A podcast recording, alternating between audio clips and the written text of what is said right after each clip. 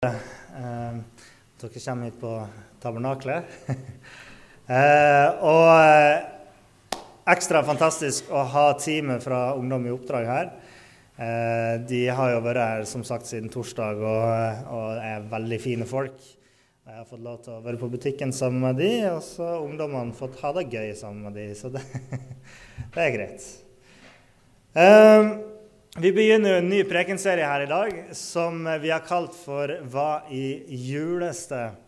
Eh, og I løpet av denne serien så tenker jeg at vi skal ta for oss noen av de tingene i julefortellinga som kanskje eh, er litt merkelige og utenom det vanlige. Eh, det er jo derfor vi har valgt denne tittelen òg. fordi det er jo noen ting i fortellinga om Jesu fødsel og når han kommer til, til verden, som for oss virker litt merkelig, eh, som for oss virker litt usannsynlig, og kanskje noen av tingene virker helt ufattelig. Eh, jeg snakker jo selvsagt om ting som ei jomfru som føder barn. Eh, om eh, en allmektig, eh, altomfattende skapergud som eh, kommer ned til jorda og ikler seg en menneskelig drakt. Eh, men det er, det er, ikke de tingene jeg skal snakke om i dag, sjøl om det òg er fryktelig fascinerende ting. Men i dag så skal vi snakke om engler og sånt. Eh, ja, hva er juleste, kan du si da? Jeg vet ikke om dere har hørt en preken om før. Er ikke engler liksom, det er vel bare en sånn pynteting? Sånn så her står det noen engler. Er ikke det bare en sånn pynteting, da? Vel, egentlig ikke. Kanskje i denne populære fremstillinga av engler ikke sant, så, så, er det mer en pynteting. Du ser de er jo skjegleforma, og jeg, jeg, tror ikke det er basert på Bibelen. eller noen ting. Um, og så har man jo avbildning av engler som sånne små babyer med vinger. Jeg tror ikke det er helt sånn bibelsk heller. Men faktisk så nevner jo Bibelen engler faktisk eh, i 34 av 66 bøker. Eh, og de nevnes eh, ca. 200 ganger totalt. Og alle forfatterne i Nytestamentet skriver om engler. Eh, så Bibelen har faktisk ganske mange referanser til de her englene. Kanskje ikke nok referanser til å starte ei engleskole eh, pga. det, eh, men nok til at de bør nevnes, tenker jeg. Eh, og faktisk så, så, har jo teologene de har jo gitt studiet av engler et eget navn. Og opp gjennom historien har egentlig studiet av engler vært en av de ti store temaene innenfor teologi. Og det heter jo angelologi. Angelology for dere amerikanere. Hva i juleste, ja. Det kan du si. Det er mye rart. Eh, jeg leste her om dagen at eh, middelalderfilosofene de drøfta eh, angivelig hvor mange engler man kunne balansere på spissen av en nål.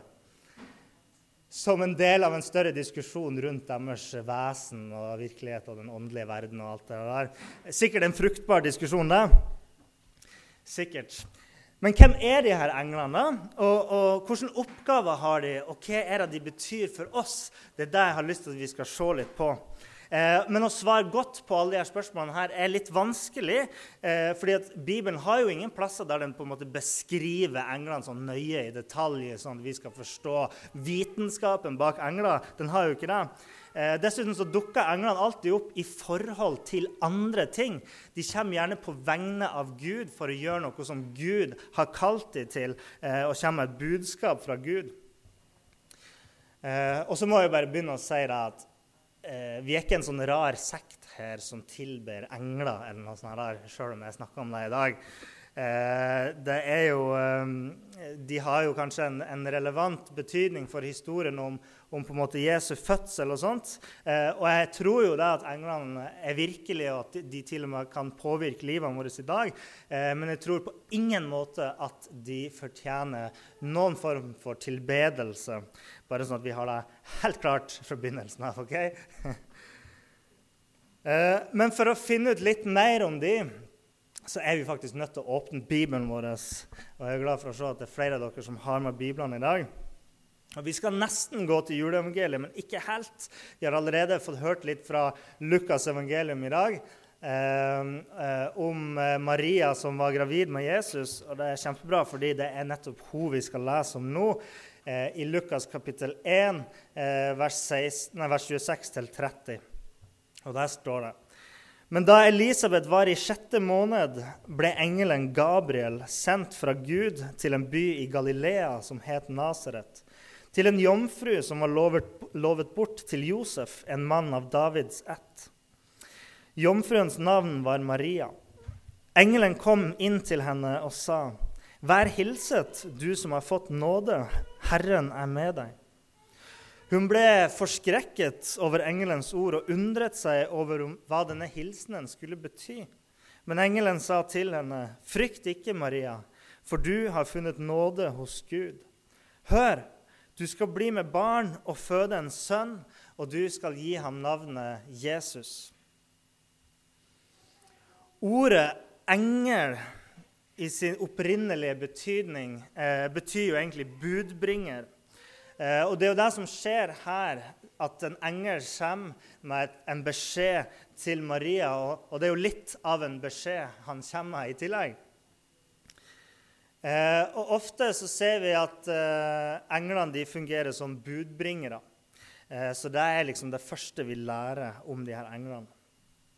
Når han som skulle gifte seg med Maria, altså Josef, eh, fikk vite at Maria var gravid uten at han hadde så mye med det å gjøre, så tenkte han at her er det noen muffens. Eh, jeg har lyst til å skille meg bare fra, fra Maria liksom, og gå, gå, min vei. Men da kommer jo en engel til han i en drøm og sier Hør her, det her er Guds plan. Det her skal du gjøre nå. Uh, og forklarer han liksom hva, hva i juleste det er som foregår. Nei, jeg skal, jeg skal ikke bruke det juleste-begrepet så mange. Jeg syns det var litt morsomt sånn i begynnelsen. i hvert fall. Ok, Men så det er en engel som kommer til Josef, og det er en engel som advarer Josef om at kongen i landet, altså Herodes, han har lyst til å ta knekken på Jesus. Da kommer en engel til Josef og advarer han. Um, og det var, en, det var engler som fikk lov til å forkynne budskapet om Jesu fødsel for første gang til hyrdene som var ute på marka. Eh, og jeg tenker det å få lov til å dele det her for første gang er ganske big deal. Det er ganske, en ganske stor ære som ble gitt til englene i det øyeblikket. tenker jeg. Fordi jeg vet jo sjøl, når, når, vi fikk unge, så, så, var vi veldig opptatt av at liksom, vi skulle bestemme sjøl hvem som fikk vite at vi hadde fått Nikoline, og når det her skulle skje. Og i hvert fall når det skulle publiseres for hele verden på Facebook. Eh, så det skulle være liksom forbeholdt meg og kona mi. sant? Eh, men den gleden var jo ikke forbeholdt Maria Josef, kan du si. Når du har et helt englekor som bare står og forkynner for hele verden. liksom. Så de, de mista den gleden, da. Så englene de er altså budbringere. sant? Eh, men det står jo òg at, at, Gabriel han er sendt fra Gud for å dele denne beskjeden med Maria. Men å være budbringere for Gud det innebærer jo òg en annen ting, nemlig at de er tjenere. Vi leser i Markus kapittel 1, vers 13, at Jesus går ut i ørkenen i 40 dager der han opplever å bli frista av djevelen. sant? Og Der står det i, vers 13 at englene tjente ham. Han er ute i ørkenen og blir frista av djevelen, og da står det at englene de tjente han i denne perioden. Eh, så, og så står det jo eh, i hebreerbrevet der står det jo faktisk et helt avsnitt av det i begynnelsen av hebreerbrevet. Eh, at Jesus står over englene. I kapittel 1, vers 6 der står det at alle Guds engler skal tilbe ham. Og det her setter på en måte Jesus inn i hans riktige posisjon. Han står over englene. Og det er viktig eh, i vår tid òg, fordi at eh, engler har jo liksom blitt mer og mer en slags sånn populær greie. Eh, det er jo mennesker som tenker at eh, det her er vesen som, som fortjener vår kontakt, vår tilbedelse, eh, og, og at, at, de skal veilede oss i livene våre. Um, og, og, noen av referansene sant, i dagens samfunn til engler sånt, er jo harmløse, sånn som de her pyntetingene her. Eh, det er jo bare pynt. Mens andre setter jo eh, englene i Guds sted. Eh, og det er ikke helt ulikt den situasjonen faktisk som eh, forfatterne av Nytestamentet sto i, forfatterne av hebreerbrevet og, og sånn. Eh, på den tida så fantes det eh, mange forskjellige typer englekulter, der, eh, der, kontakt med engler og tilbedelse av engler og andre åndskrefter var vanlig. Eh, og Derfor så var det så viktig for, for forfatterne av Nytestamentet å understreke det, at Jesus han står over de Ok? Han har en helt annen posisjon. Derfor ser jeg ikke englene som er på en måte målet med, eh, med vår åndelige søken etter noe mer, etter en større virkelighet. Eh, faktisk så forbyr jo Paulus tilbedelse av engler eh, i Efeserbrevet. Så de er bare tjenere av Jesus, mens Jesus han er svaret på vår åndelige lengsel, folkens. Ok? Eh, I Hebreerbrevet leser vi òg i kapittel 1, vers 14 eh, at eh, englene er sendt for å tjene oss. Og Der står det er ikke alle englene ånder i Guds tjeneste som sendes ut for å hjelpe dem som skal arve frelsen? Ja, Det er et retorisk spørsmål, men svaret er selvsagt ja. Englene de er sendt for å tjene oss troende. Bare hør på denne historien fra Apostlenes gjerninger, kapittel 12. Der eh, apostelen Peter han, han har blitt satt i fengsel. ikke sant? Eh, og hele menigheten i Jerusalem de bare ber inderlig for at det skal gå bra med han i dette fengselet. Eh, og Der står det i vers 7-9 at eh, med ett sto en engel fra Herren der, og et lys strålte i rommet. Det er mens han, han satt i fengsel, altså Peter. Han vekket Peter med et puff i siden og sa, 'Skynd deg, stå opp.' Med det samme falt lenkene av hendene hans, og engelen sa til ham, 'Bind beltet om deg og ta på deg sandalene.' Da han hadde gjort det, sa engelen, 'Få på deg kappen og følg etter meg.' Og han fulgte etter ham ut. Og De kom seg jo usett ut av dette fengselet. Eh, så engelen kom til Peter og redda han som et bønnesvar på, på menigheten sine bønner. sant? Eh, så englene de er satt til å være tjenere for oss, til å være beskyttere av oss. Og noen gang, som vi ser her med Peter, eh, så griper de faktisk inn i vår fysiske verden og bryter opp lenkene hans, så han kan gå fri. Eh, så det er jo sånn at Selv om vi kanskje som fysiske vesen og alt det her kanskje står lavere enn englene, eh, i hvert fall på en del områder, så er de sendt for å hjelpe oss. Gud har kalt dem til å hjelpe oss. Men en dag så kommer vi til å stå over englene eh, all, på alle måter pga. vår relasjon til Jesus. Eh, men det her at englene kanskje har liksom større makt og større kunnskap enn oss eh, nå, det henger nok sammen med det at de er åndelige vesen. Eh, og Jeg skal ikke bruke mye tid på det punktet, for det er kanskje ganske selvsagt at de er åndelige vesen. Eh, de er jo usynlige og alt det der. Men selv om at de er åndelige, så kan de likevel ha samspill med den fysiske verden, som jeg var inne på nettopp. Eh, og til tross for at de er åndelige, så står de allikevel ikke over eller ut, utafor skaperverket. De er jo vesen som Gud har skapt med ei hensikt. Vi vet ikke hvorfor eller når eh, Gud har skapt dem. Eh, men vi vet at Gud han skaper ingenting fordi han trenger det. Gud han er alt han trenger å være i seg sjøl. Når Gud skapte oss mennesker, så skapte han oss for vår skyld. Og han så at det var godt. Det sier han når han har skapt jorda. Så sier han det her er godt. Og vi må anta at det samme gjelder for englene. At Gud har skapt dem for deres skyld, fordi han så at det ville være godt for dem.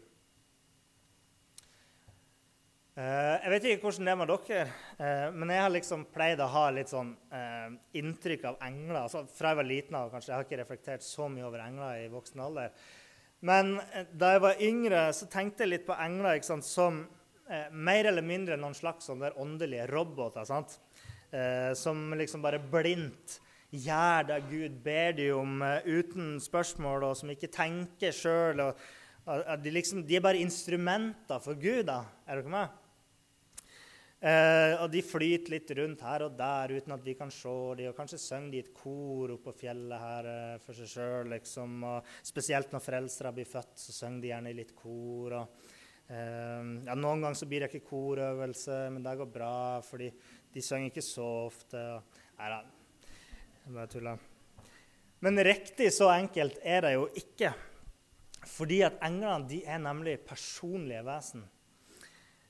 For det første så har de jo navn, de her englene. Vi leste jo om Gabriel, som vi møter i historien om Jesu fødsel.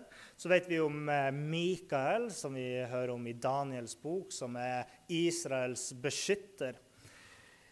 Men det er klart uh, ja, Det at de har navn, det er jo, det er jo ikke det som, som, gjør de på en måte personlige. Men vi, vi, gir jo navn til masse upersonlige ting. Jeg vet ikke, Det finnes sikkert folk her som gir navn til eh, bilen sin eller i hvert fall så gir folk navn til båtene sine.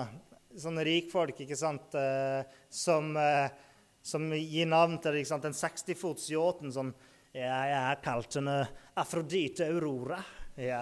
ja. hun har virkelig personlighet. Ja, det må jeg si. Det må jeg virkelig si. Virkelig personlighet, denne, denne båten. Skuta.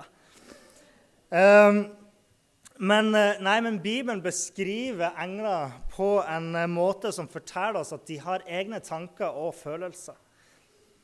Peter han sier at eh, englene de lengter etter innsikt i evangeliet. Og Jesus forteller at eh, englene de opplever glede når de ser at vi mennesker vender om til Gud. Og I Judas brev så skriver han da at englene de har evnen til å ta egne valg. Og, eh, og for meg så og, og, vet de her tingene. De har, de har, et intellekt, de har en vilje og de har følelser. Det legger bare til denne historien om, i, eh, fra juleevangeliet, der, der, de her hyrdene på marka? De blir møtt av alle de her englene som, som synger for Gud. Fordi at Englene de, de står ikke der og synger bare fordi de er sånne roboter som er programmert av Gud. liksom, nå skal dere stå på, på rekka og synge her. Eh, men de synger jo av ekte glede for Jesus. Det er en, en sann fryd blant de her englene som står og synger eh, for gjeterne. Så det måtte ha vært en, en, vanvittig opplevelse. Så dette er noen av de tingene som, eh, som man ser i Bibelen, som, som liksom kan si oss litt om, om hva englene er for noen ting. Men så spør jeg hva betyr de for oss?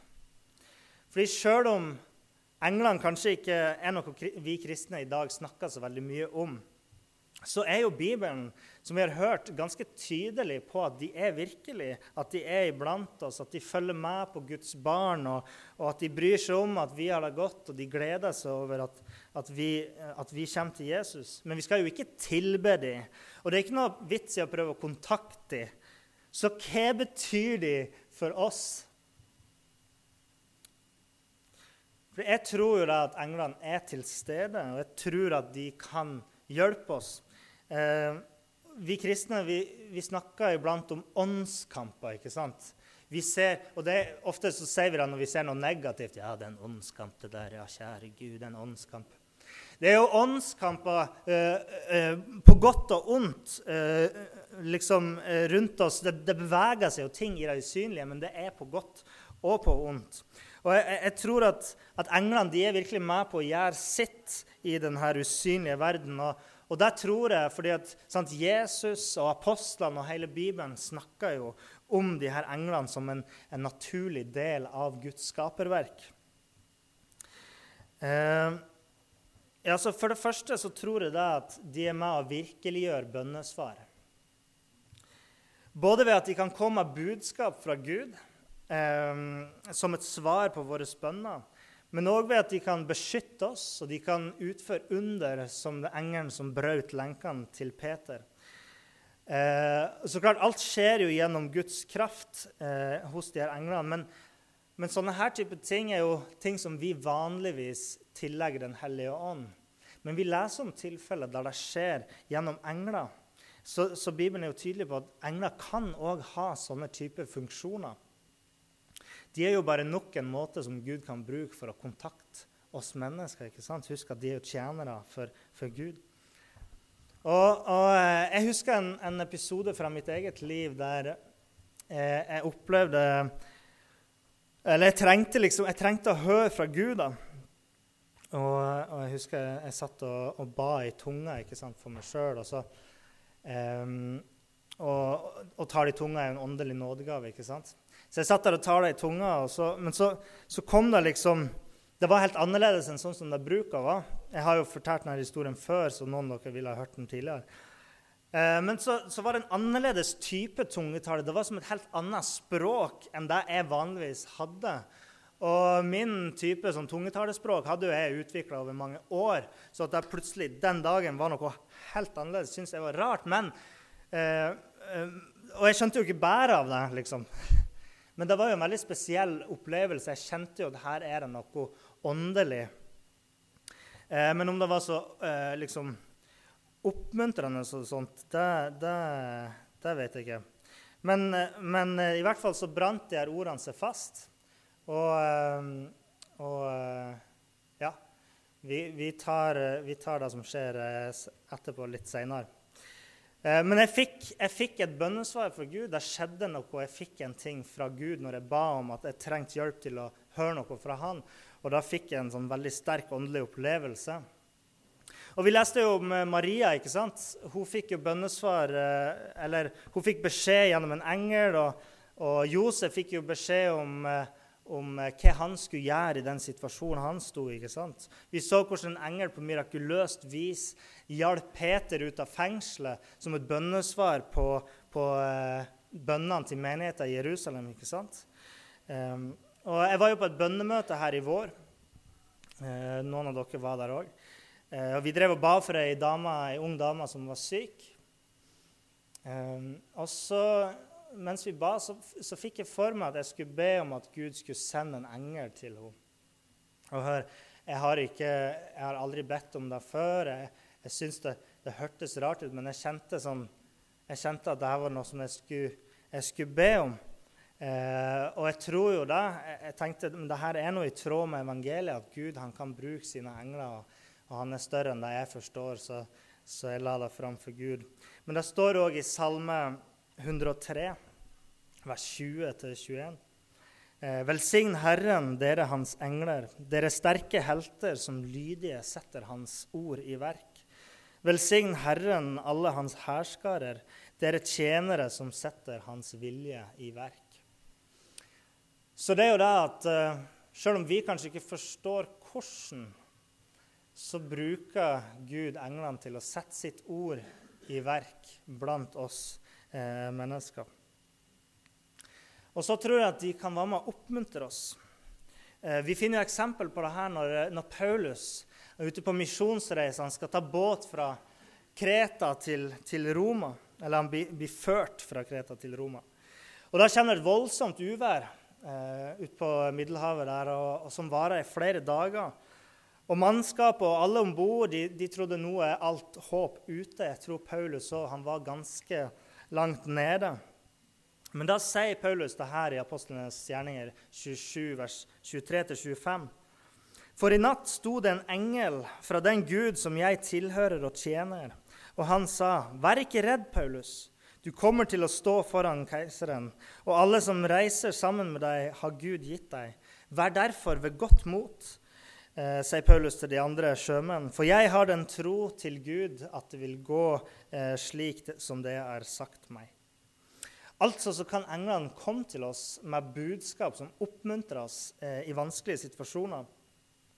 Og jeg tror jo da at dette er ting som vanligvis skjer eh, ved Den hellige ånd. Eh, men Bibelen forteller oss òg at det kan skje eh, gjennom engler òg. Så vi må ikke være fremmed for det.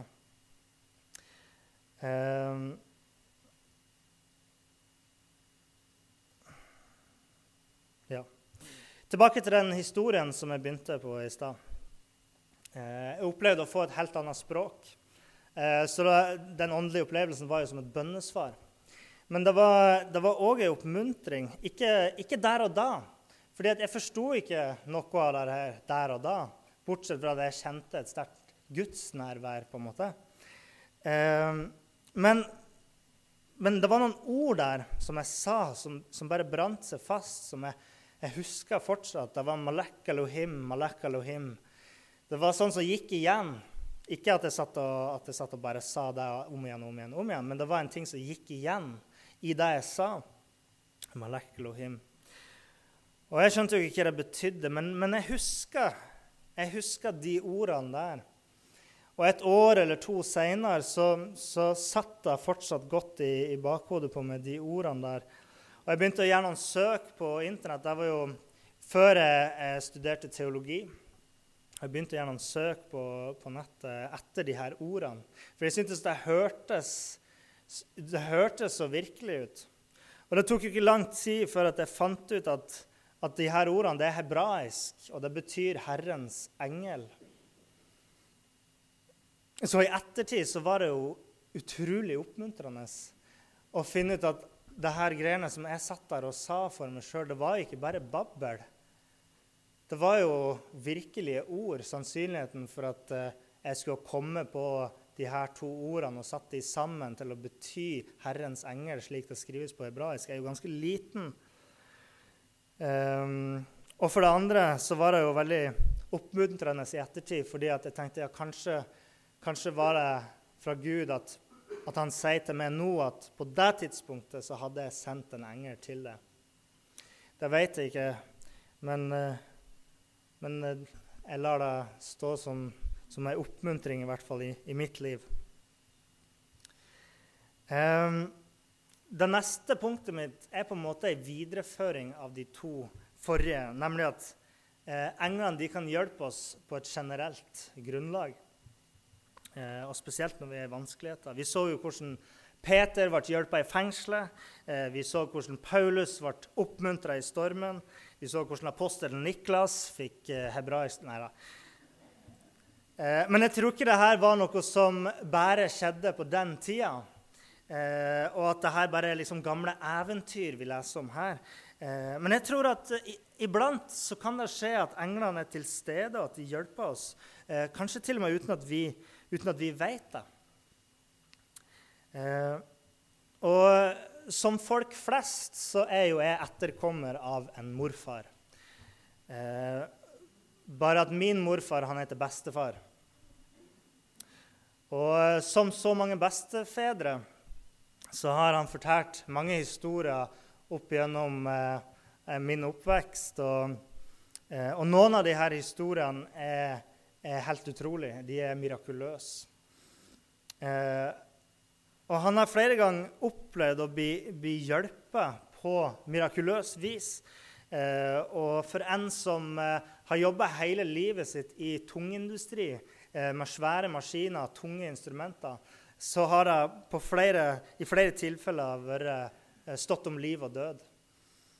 Um, så jeg måtte ringe han her om dagen for å få en oppdatering på en av de her historiene.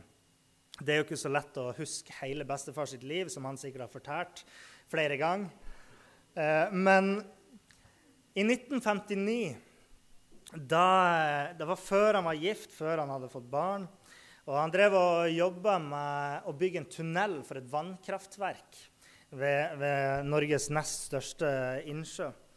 Eh, og inni de her tunnelene Vi kan ta neste bilde. Her ser vi inni den tunnelen der bestefar jobba.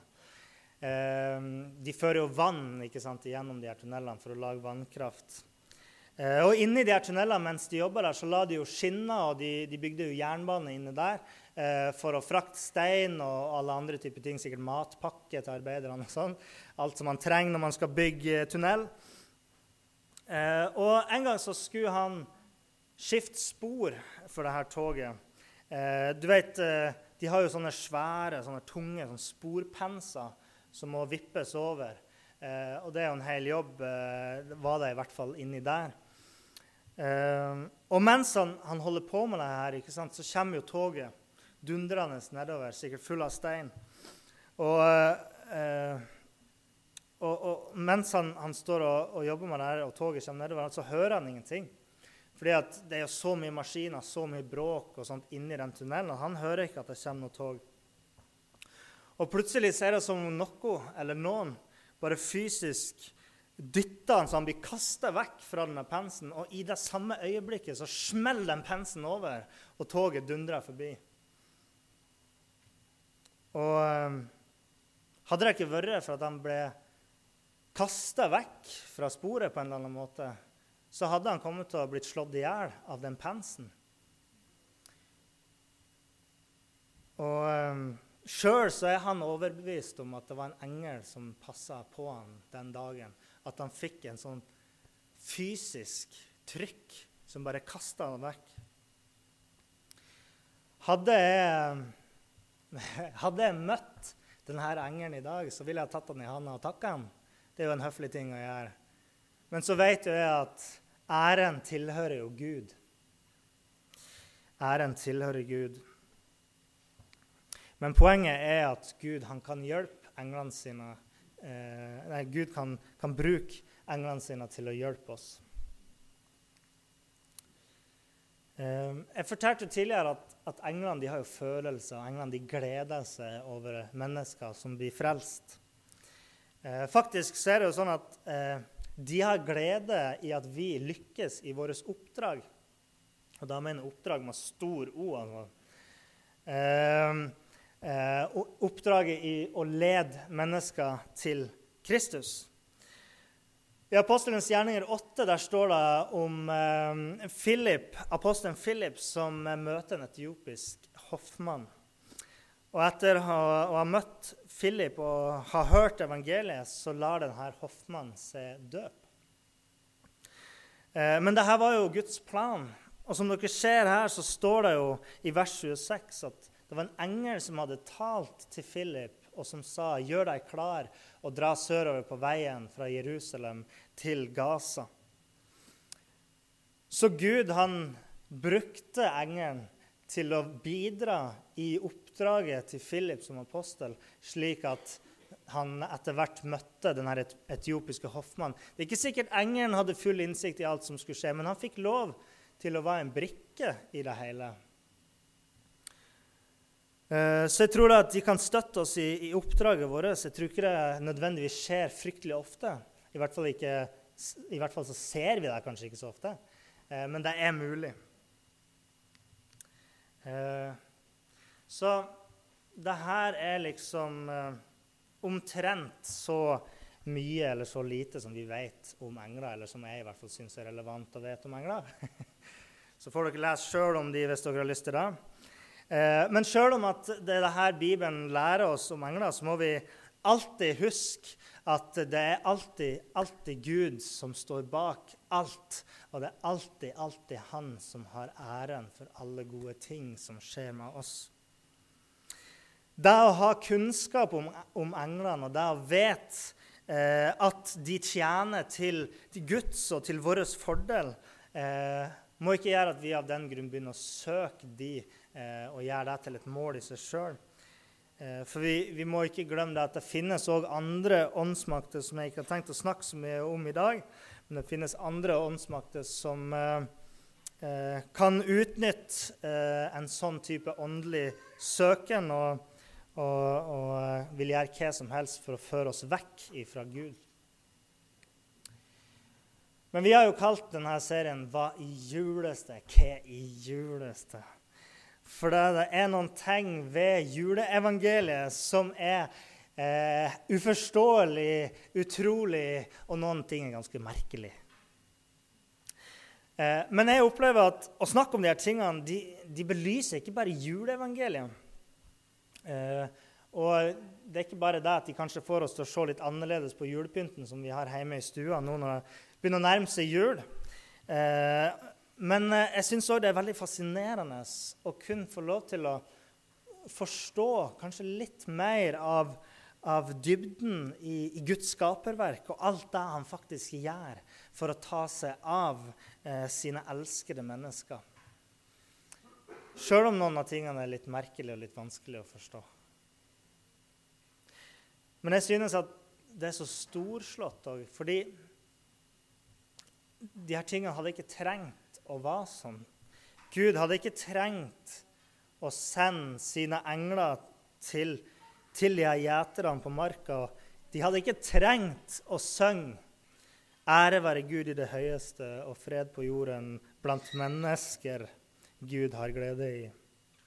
Han hadde ikke trengt å fylle himmelen med et englekor som et vitne for de her hyrdene. Budskapet hadde vært det samme uten all denne pumpen og prakten og all denne fanfaren. Men jeg tenker det sier noe om Gud, det sier noe om hans storhet, hans ønske om at vi mennesker skal se eh, hvor frydfullt det var, det øyeblikket. Og det er det som er forskjellen mellom et julekort og et brev fra Nav. liksom. Det er noe som er litt mer hyggelig med å få et julekort enn å få et byråkratibrev. sant? Gud han, han ville at vi skulle se, at, at gjeterne skulle se, at hele himmelen jubla av glede den natta når hans sønn kom til verden. Og som glitter på et julekort, så setter han sine engler og fylle himmelen med sine hærskarer, sånn at gjeterne kunne se, og sånn at vi kunne se at det her det var et av de viktigste øyeblikkene i universet.